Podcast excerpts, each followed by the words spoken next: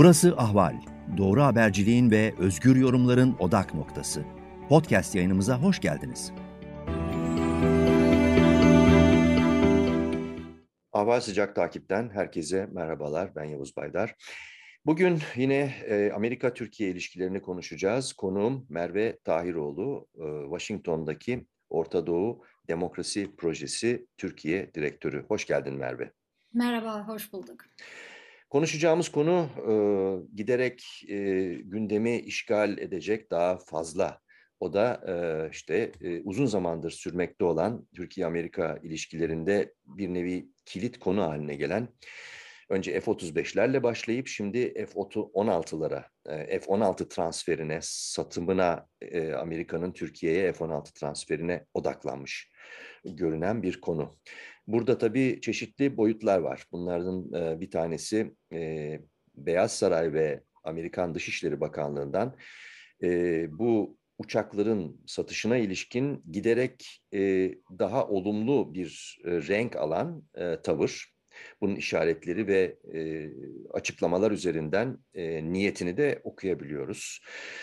Birincisi bu. E, ikincisi e, tabii Yunanistan-Türkiye ilişkilerini etkileyen bir boyutu var. E, Yunanistan Başbakanı Mitsotakis Washington'ı e, ziyaret edecek ve e, kongreye yani kongrenin her iki bölümüne ortak bir konuşma yapacak. Bu konuşma e, özellikle bu çerçevede önem taşıyor. Bu arada tabii e, Yunanistan e, Türkiye'nin Türk Silahlı Kuvvetleri uçaklarının Ege'deki uçuşlarını daha da yoğunlaştırdığı konusunda müşteki ve bu şikayetler giderek artmış durumda. Bir de tabii buna eklenecek olan en son e, Ukrayna-Rus işgali üzerinden gelişen bir konu var. O da e, hemen hemen kesinleşmiş gibi görünen Finlandiya'nın ve ardından da İsveç'in e, NATO'ya üyelik başvuruları İkinci Dünya Savaşı'ndan bu yana 10 yıllar sonra e, çok dramatik bir gelişme bu. Tabii ki e, Avrupa güvenlik resmini, mimarisini kökten değiştirecek bir durum. Şimdi burada tabii bugün bu çerçevede e, Cumhurbaşkanı Recep Tayyip Erdoğan'ın açıklaması geldi. Biz Finlandiya'nın ve İsveç'in NATO üyeliğine karşıyız mealinde bir açıklama. Bunu da bu çerçeve içerisinde görmek gerekiyor sanırım. Şimdi Washington'daki havaya dönelim. Oradan başlayalım. Nedir bu e, F-16 üzerine odaklanmış görünen tartışmaların sevrindeki son durum? Şimdi şöyle oldu, e, yani F-16'lar aslında son birkaç haftadır, bir aydır belki diyelim konuşuluyordu. Çünkü Türkiye'nin bu konuda bir talebi var. Türkiye F-35 programından atıldığından beri Amerikalılar tarafından, o zaman onun yerine bizim bugüne kadar oraya yap, yaptığımız yatırımlara e, tekabül edecek e, miktar miktarda bana e, F-16 uçakları yani zaten Türkiye e, Türkiye'de olan F-16 uçaklarının e, yenilenmiş versiyonundan gönderin ve bunu yenileme e, kitleri gönderin e, talebinde bulunuyordu. E, bu talebe aslında Amerikalılar hiç sıcak bakmıyorlardı ama Ukrayna Savaşı'ndan beri e, çok bir hava değiştiği için özellikle de yani Biden yönetimi açısından kongreyi bir tarafa bırakalım. Biden yönetimi açısından e, hava çok değiştiği için, e, Türkiye'ye bakış e, e, değiştiği için, Türkiye'nin önemi bir anda arttığı için e, bunu yapmaya daha sıcak bakmaya başladılar. Hatta kongreye bununla ilgili e, böyle bir satış yapmak, F-16'ları yani göndermek Türkiye'ye e, bizim çıkarlarımıza uygundur. Amerika Birleşik Devletleri'nin çıkarlarına uygundur e, gibisinden açıklama gönderdiler. Buradaki Şimdi, temel pozisyon şu mu yani temel argüman aynen Soğuk Savaş Savaş'ın başlangıcında olduğu gibi o zamanlar tabii e, Stalin Türkiye ve NATO'yu, e, Batı'yı tehdit ediyordu. E, Türkiye Doğu kanadında önemli bir ülke olarak görülüyordu ve oraya yatırım yapılmıştı özellikle Amerika tarafından. Şimdi yine benzer bir argüman var. Yani Rusya'nın Ukrayna ötesi tehdidine karşı Türkiye yeniden önem kazandı. Biz o cepheyi güçlendirmeliyiz e, üzerinden mi gelişiyor bu argüman? Kesinlikle böyle. Ee, Türkiye'yi yani çok önemli rolünü çok önemli bulduklarını söylüyorlar. Ee, Dışişleri Bakanı Yardımcısı Victoria Nuland e, birkaç hafta önce hatta Türkiye'de de gazetecilere verdiği demeçlerde Türkiye'nin bu rolü çok önemli, çok kritik e, bu savaşta gibi açıklamalar yapmıştı. E, dolayısıyla kesinlikle aynı Soğuk Savaş dönemindeki gibi Türkiye'nin e, hem konumundan dolayı hem de oynayabileceği rol hem, yani geçtiğimiz yıllarda S-400 alımıyla vesaire Türkiye çok daha Rusya'ya yakın bir ülkeye mi dönüşecek, NATO'dan çıkmayı mı düşünüyor gibi düşünceler hep buraya burada çok vardı Washington'da. Bütün bunları bir araya koyacak olursak Türkiye'yi bir anda Batı'nın yanında tutmalıyız, NATO'nun içinde tutmalıyız ve bu savaştaki rolünü pekiştirmeliyiz. Özellikle de Ukrayna'ya olan katkılarını gibi bir hava var. Ve bunun üzerinden F-16 satışlarını Biden yönetimi e, göndermek istediğini beyan ediyor kongreye. Hatta daha da önemlisi bundan önce diyeyim hatta bu hafta e, Wall Street Journal'ın çıkardığı bir habere göre e, daha geçtiğimiz günlerde e, Biden yönetimi kongredeki en önemli komitelere yani dış işleri komitelerinin hem temsilciler meclisinde hem de senatoda liderlerine ki bu liderlerin önemli rolleri çok büyük kongrede bu liderlerden bir istekte bulunuyor. Diyor ki ben Türkiye'ye iki tane misil ve e, başka e, F-16 e, upgrade'leri satmak istiyorum e, diyor. Bunu aslında F-16 satışından önce söylüyor. Bunlar farklı bir satış F-16'dan. E, bizim burada gördüğümüz, gözlemlediğimiz şey aslında bu misilleri satmayı istiyoruz e, bildiriminde bulunarak kongreye aslında birazcık kongreden F-16 göndermek istiyoruz talebinde bulundukları noktada nasıl bir tepkiyle karşılaşacaklar bunu ölçmeye çalışıyorlar. Misil dediğimizde füzeler aslında. Füzeler, evet, evet. füzeler. Teşekkür ederim. Ve bu iki füze de fakat bunlar önemli silah satışları. Yani önemsiz değil. F-16 kadar da önemli bir silah satışı. Ee, önce bunu istedi. Yani e, gördüğümüz kadarıyla Biden yönetiminin stratejisi önce bakacak e, kongrenin bu önemli liderlerinden, bu iki komitenin ve silah satışı komitelerinin liderlerinden, liderleri dediğim hem cumhuriyetçi hem de e, demokrat, demokrat liderleri. Yani toplam 8 kişi. E, bu 8 kişiden bakalım herhangi bir veto gelecek mi? Nabız e, yokluyorlar yani. Evet aynen bir nabız yoklama yapıyorlar. Eğer bir veto gelmediği sürece, kongreden bir ses çıkmadığı sürece diyecekler ki okey önce bunları satalım ondan sonra da F-16'yı e, satalım. Bunu getirecekler gibi görünüyor. Tabii kongrenin e, buna bakış açısı biraz daha farklı. Kongrede kesinlikle bir yumuşama var. E, so, bu, yine son birkaç haftada Ukrayna e, savaşı yüzünden e, ve aynı zamanda Biden yönetiminin gidip te, you know, def, defalarca e, kongre liderlerine bakın Türkiye ile ilişkiyi iyi tutmamız gerekiyor, Türkiye'nin burada iyi bir rolü var gibi beyanlarda bulunması üzerine kongrede bir yumuşama var satış üzerine. Ama çok kilit bir takım isimler var. Mesela e, Bob Menendez, e, e, Senato e, e Dışişleri Komitesi Başkanı şu anda.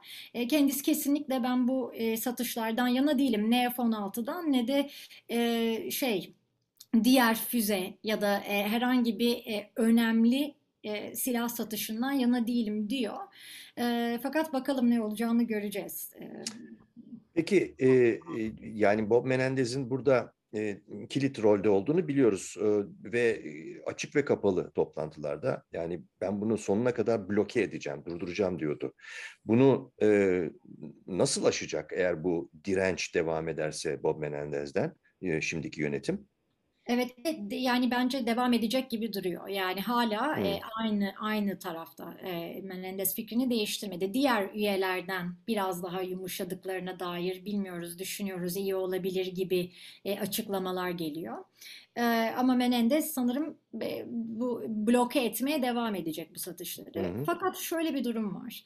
E, aslında Biden yönetimi e, kongrenin sözünü dinlemek zorunda değil yasal olarak zorunda değil. Bu bahsettiğimiz süreç yani yönetimin bakın biz bu satışları yapmayı düşünüyoruz diye bu e, kongrenin bu şey e, komitelerinin üyelerine, başkanlarına böyle bir beyanda bulunması e, aslında e, informal bir prosedür. Bunu daha önceki başkanlar da her zaman yapıyor yönetim. Çünkü kongreden herhangi bir şekilde büyük bir tavır alma görmek istemiyorlar. Dolayısıyla herhangi bir satış yapmadan önce E, bunu önce bir nabız yoklamak olarak gönderiyorlar. E, fakat yasal olarak dinle, bu yani e, kongre liderlerinin lafını aslında dinlemek zorunda değiller. İsterlerse yine de gönderebilirler bunu ki bunu e, Donald Trump kendi başkanlık döneminde son günlerinde hatta başkanlığının yaptı ve kongreyi dinlemeyerek Birleşik Arap Emirlikleri'ne e, F-35 satışı yapacağını ilan etti. E, hala bu satış tam olarak yapılmadı bu arada. Çünkü hemen yönetim değişikliği oldu ve Biden yönetimi bir dakika bizim e, bir bakmamız gerekiyor konuya dediler ama Trump yani öyle bir yolu denedi ve açtı. Evet açtı. Yani resmi olarak e, kongrenin e, vetolarına karşı, kongre liderlerinin vetolarına karşı yine de resmi olarak bu satışları yapacağını beyan etti. Biden yönetimi de aslında bunun aynısını yapabilir. E, nasıl yapabilir siyasi olarak içeride burada, iç politikada kendini e, çok da köşeye sıkıştırmadan? Eğer Menendez e, bu 8 lider arasından e, Türkiye'ye satışları e, istemediğini söyleyen, bloke etmek istediğini söyleyen tek kongre lideri olursa o zaman diyebilir ki tamam ama burada büyük çoğunluk e, bu satışların yapılmasından yöne bir tek tek bir kişinin şerhi söz konusu. Dolayısıyla biz bunu e, o kadar da ciddiye almak zorunda değiliz. E, bu tek bir insan deyip üzerinden e, geçebilir. Fakat e, bence diğer liderlerin tam olarak ne düşündüğünü şu anda o kadar iyi bilmiyoruz. Özellikle de silah satışı komitelerinin. Yani her ne kadar şu ana kadar çıkan yayınlarda e, biz şeyi gördük. E, işte Temsilciler Meclisi'nin komite üyeleri nasıl tepki verdi. Menendez'in cumhuriyetçi olan e, karşılığı e, yardımcısı e, Senato e, Dışişleri Komitesi'nde Rish biraz pozitif baktığını söyledi. Fakat silah satış komitelerinden henüz e, bir beyanda işaret yok. Bir işaret yok. Dolayısıyla hmm. belli olmaz. Peki. E, şimdi tabii karmaşık bir resim var karşımızda. Çünkü bir taraftan katsa yap, yaptırımları e, söz konusu. Bunlar yürürlükte. Diğer taraftan e, Türkiye e, ilişkilerin iyice bozulmasına yol açan S-400 Rus e, füze sistemlerini almış olduğu için ve daha da alacağını e, beyan ettiği için diyelim ilişkilerde herhangi bir düzelme o açıdan görünmüyor ve bu bir nevi şart haline geldi. Yani S-400'lerden vazgeçilmezse ne yaptırımlardan e, kalk, ne yaptırımlar kalkar ne bundan sonra yani savunma işbirliği e, konusunda herhangi bir ilerleme sağlanır gibi bir tavır vardı. Bu tavır gayet evet. net olarak devam etmekte idi mi diyelim. Devam etmekte aslında yani devam, kağıt üzerinde. E, devam Şimdi, etmekte çünkü yasa geçirdiler. Yasa konu. geçirdiler. Yani Şimdi böyle bir durumda böyle resim çok karışık. Böyle bir durumda e, bir taraftan ona göz mü yumulacak? Yani S-400 meselesini bu kadar net olarak şart haline getirmiş olan Beyaz Saray ve e, işte Amerikan yönetimi e, bunu göz ardı mı edecek? Bir tarafıyla bu var. Bir tarafıyla da yani e, F-16'lar e, konusunda şimdi Yunanistan'ın e, Mitsotakis herhalde bu konuya ağırlık verecek konuşmasında. Bunu kesin olarak söyleyebiliriz. Amerika'nın e, savunma işbirliği anlamında Yunanistan'a yoğun e, yatırım yaptığı zaten aşikar. E, şimdi F-16'ların e, S-400'leri bir tarafa koyduk. Bir de aynı zamanda F-16'ların e, uçakların bir NATO ülkesinin bir başka NATO ülkesine, NATO üyesi olan Türkiye'nin e, bir başka NATO ülkesine onun izni ve rızası olmadan onun hava sahasında uçurması e, konusunda bunun kısıtlayıcı bir şart getirilebilir mi? E, bu transfer eğer gerçekleşirse Amerika'dan Türkiye'ye. Yani denebilir diyebilirler mi ki evet biz bunları size vereceğiz ama asla ve asla başka bir NATO ülkesine, Yunanistan demezler elbette, e, izni olmadan bunları uçurmayacaksınız diyebilirler mi? Var mı böyle bir e, bir nasıl söyleyelim bir teamül, bir bir uygulama?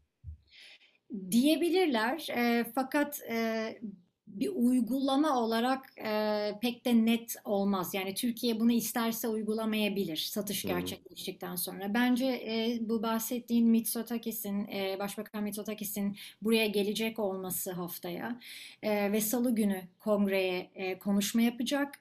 Kesinlikle F-16'ların Türkiye satışından bahsedecek. Daha sonra kendi yapacağı eminim kapalı toplantılarda da kongre liderlerine bundan bahsedecektir. Ee, bunun e, yani bunun yapılmaması gerektiğini söyleyecektir. Çünkü Yunan medyası çok uzun süredir e, ama özellikle de son birkaç günde e, Türkiye'nin sürekli kendi hava sahasını F-16'ları kullanarak ihlal ettiğini söylüyor. Evet. E, ve bu söylemi yüzde yüz yani e, Yunan, Yunanistan e, Başbakanı da tekrar tekrarlayacaktır burada Salı günü. Hem de tam çarşamba günü bu arada Dışişleri Bakanı Çavuşoğlu ve Blinken'ın görüşmesinden bir gün önce gerçekleşecek bütün bu toplantılar. Ayrıca Başbakan Mitsotakis e, Biden'la da görüşmesi bekleniyor. Ona da aynı argümanları yapacaktır. E, Kongre... Ama Amerikan yönetimi bu yani hem Türkiye hem e, Yunanistan yöneticilerini e, çağırarak yani peş peşe e, belki bir e, ortak bir şey bulmaya çalışıyor, bir çözüm bulmaya çalışıyor gibi bir, bir resim de var ortada galiba. Yani teknik olarak iki lideri çağırmadılar. E, o, hmm. o zaman e, Yunanistan Başbakanı'yla Türkiye Cumhurbaşkanı'yla görüşmesi olurdu Biden'ın. Fakat evet. öyle değil. Yani arada çok büyük bir seviye farkı var. Bir tanesi e, Biden'la e, Mitsotakis'in görüşmesi, ötekisi e, yani Dışişleri Bakanları arasında çok alt daha çok daha alt seviyede. Dolayısıyla e, bu, bunu bir not etmek lazım bir tarafa ama iki tarafa da e, oynuyor Biden yönetimi. O, o taraf kesin. Kongre açısından fakat bu çok önemli olacak bence Mitsotakis'in e, oraya görüşme yapacak olması ve şu anda Türkiye'ye karşı yumuşayan e, bazı kongre liderleri de bu konuşmadan sonra fikrini değiştirebilir. Hmm. E, ayrıca son bir saat içerisinde bir haber çıktı. E, ben de onu soracaktım zaten. Şimdi e, senin söylediğine ek olarak e, yine senin gibi e, Washington siyasetini çok yakından takip eden e, Dış İlişkiler Konseyi isimli düşünce kuruluşunun e, önde gelen isimlerinden Stephen Cook e, bugün işte sosyal medya üzerinden yazışmamızda kongre içerisinde belirgin bir direniş var e, F-16 meselesinde Türkiye'ye karşı hala dedi. Yani e, onu ekleyelim ama e, yani biraz hızlanıyor bu trafik gibi. E, yaklaşık e, 6-7 tane e, kuruluş Washington'da kongreye bu satışların gerçekleşmemesi doğrultusunda çağrıda bulunmuş galiba. Bu yeni bir gelişme. Yani seninle tam bu mülakata girmeden önce ortaya çıkan yeni bir durum. Nedir bu?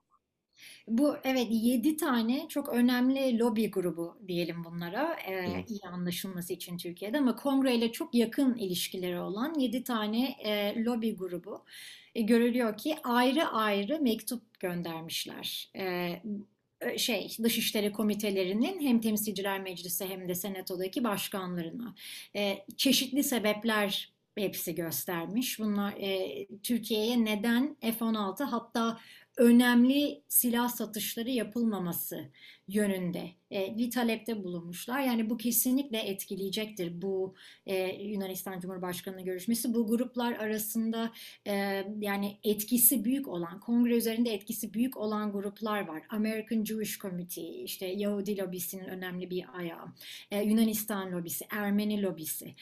hani bütün bu gruplar ayrı ayrı sebepler göstererek e, mektup göndermişler gibi e, hmm. görünüyor şu anda. Yani koordineli değil, her biri ayrı ayrı hareket etmiş gibi bir durum, bir resim var ortada galiba. Evet ayrı ayrı mektuplarını göndermişler ama hepsi bugün göndermişler anladığım hmm. kadarıyla. Birazcık koordineli. Birazcık koordineli evet. Ee, ama yani burada benim anlatmaya çalıştığım şey e, yani hem kongre içinde Stephen Cook'un da dediği gibi bir direniş var. O direniş yok olmuş değil bazı üyeler yumuşamış olsa da e, ve bu yani e, kongre dışında da Washington'da büyük etkisi olan diğer gruplar da feci itiraz ediyorlar e, bu satışların olmasına ve bu itirazlar önümüzdeki günlerde kesinlikle artacaktır. Dolayısıyla çarşamba günü e, yani Çavuşoğlu Blinken görüşmesi olduğu zaman e, ben herhangi bir haber çıkacağını düşünmüyorum. E, evet. Herhangi herhangi bir Amerika'dan e, satış konusunda Türkiye'ye. Peki son soruya geliyoruz. Tabii bu resmin içine giren e, tarih itibariyle, takvim itibariyle bir başka mesele var. E, mülakatın başında da altını çizdiğim gibi Finlandiya ve İsveç önümüzdeki hafta e, daha da netleştirecekler NATO'ya üyelik başvurularını ve bununla ilgili olarak bugünden bugün işte 13 Mayıs Cuma Cumhurbaşkanı Erdoğan'ın yaptığı açıklama var. Finlandiya'nın ve İsveç'in üyeliklerine karşıyız mealinde bir açıklama. Özellikle tabii iktidar yanlısı medyada da dün bugün bazı haberler çıktı diyelim. Oralarda da vurgulanıyor. İşte özellikle İsveç kırmızı çizgidir. Çünkü İsveç işte tırnak içerisinde bölücü e, güçlere yardım eden, onlara kucak açan, onlara destek veren bir ülke. Dolayısıyla biz bunun özellikle İsveç'in girmesini bloke edebiliriz mealinde açıklamalar var. Şimdi e, NATO birdenbire bu işin içerisine, bu bağlam içerisine girmiş oluyor. Bir de gelecek hafta sadece Washington değil. E, belli ki Erdoğan'ın kafasında bir plan var. E, yani sence bu ifadelerle ve bu pozisyonu ortaya atarak e, F-16 Türkiye-Amerika ilişkilerinin geleceği konusunda e, niyeti bunu daha geniş NATO çerçevesinde kapsayacak, veto hakkını bir sopa olarak kullanacak bir e, bir pozisyon üreterek buradan mı yürümek? Yani pazarlığa mı dönüştürmek bunu sence? Ve başarabilir mi? Nasıl bakıyor Washington buna? Tabii onu da sormak gerekiyor. Yani Cumhurbaşkanı Erdoğan'ın ne düşündüğünü anlamak çok zor özellikle bu dönemde ama bu teori yani bana mantıklı geliyor e, kullan, kullanmayı düşünüyor olması. Bence yine de çok büyük bir hata oldu bu. Yani böyle bir açıklama Cumhurbaşkanı Erdoğan açısından e, özellikle de Amerika'dan şu anda büyük silah satışları istiyor. Hazır NATO içerisindeki konumu yükselmeye başladığı sırf Ukrayna yüzünden. Ukrayna'ya silah satışı yaptığı için. E, başka çünkü pek bir rolü olmadı yani Türkiye'nin. E, sadece bu var. Ama hazır yani bir yumuşama var e, kendisine ve hükümetine doğru. Yani tam bu dönemde böyle bir açıklama yaparak yani kesin yani ko, e, kongre üyelerini Amerika içindeki e, pek de memnun etmedi. E, yani eğer onlardan bir e, şey almak istiyorduysa, yeşil ışık almak istiyorduysa önümüzdeki günlerde silah satışları konusunda bu çok büyük bir hata oldu o açıdan. İki, Biden yönetimi açısından. Bu hiç hoş karşılanacak bir durum değil. E, dolayısıyla yani kendi konumunu aslında düşürüyor şu anda böyle bir açıklama yaparak. E, bu yani kendi açısından büyük bir stratejik hata bence. E, Türkiye günün sonunda diyelim ki böyle bir pazarlık yapma niyetinde ve ben veto hakkımı kullanacağım ve almayacağım e, bu ülkelerin e, NATO'ya girmesini kabul etmeyeceğim diye, diye bir gerçekten diyelim ki böyle bir politika içerisinde şöyle bir dönemde ben Türkiye'nin böyle bir veto e, kullanacağını hiç düşünmüyorum. Yani hmm. bu e, o kadar kötü görünür ki Türkiye açısından. Yani e, bunun tehdidini bile yapsa Ankara gerçekten böyle bir e, yani günün sonunda böyle bir adım atı, atacağını zannetmiyorum. Tabii Rusya ile Cumhurbaşkanı Erdoğan'ın yakın ilişkilerini göz önünde bulundurursak burada Rusya'nın da bu konuda talepleri olabilir e, Türkiye üzerinden. Çünkü çok uzun zamandır zaten e, Vladimir Putin Türkiye'yi kullanarak e, NATO'yu e, güçsüzleştirmeye, bölmeye çalışıyor. Bu yani çok net bir şekilde görüyoruz. E, Cumhurbaşkanı Erdoğan da bu konuda onunla birlikte bu oyunun parçası. Hmm. yani dolayısıyla burada yani Rusya'nın e, Türkiye üzerinde kurduğu baskı ve Türkiye üzerinden NATO'ya yapmaya çalıştıklarını unutmamak lazım.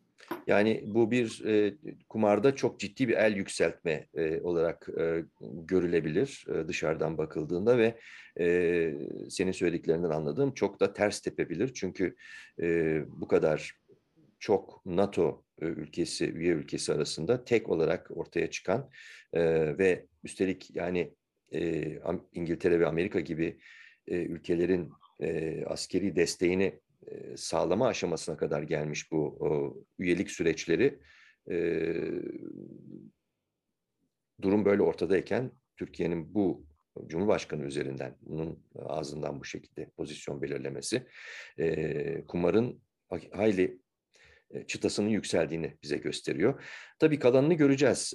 Merve çok teşekkürler bu değerlendirmeler için. Gelecek hafta bu peş peşe Mitsotakis'in kongre konuşması ki tarihi bir konuşma olacak denebilir. Çok sık rastlanan bir durum değil bu. Ve ardından tabii Türkiye Dışişleri Bakanı Mevlüt Çavuşoğlu'nun Amerikan Dışişleri Bakanı Antony Blinken'la yapacağı konuşma. Bunun ardından tabii işte dediğimiz gibi İsveç, Finlandiya süreçleri hızlanacak. Bütün bunların ardından yine durumu seninle önümüzdeki hafta bir kez daha gelişmeler üzerinden değerlendiririz. Tekrar teşekkürler. Tabii ki. Ben teşekkür ederim. Sıcak takibi burada noktalıyoruz. Tekrar görüşmek üzere. Hoşçakalın.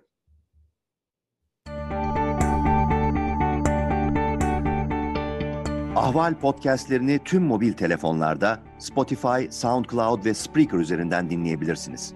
Apple iPhone kullanıcıları bize iTunes üzerinden de ulaşabilir. Türkiye'nin ve hayatın cıvıl cıvıl sesleri Ahval Podcast dizisinde. Kulağınız bizde olsun.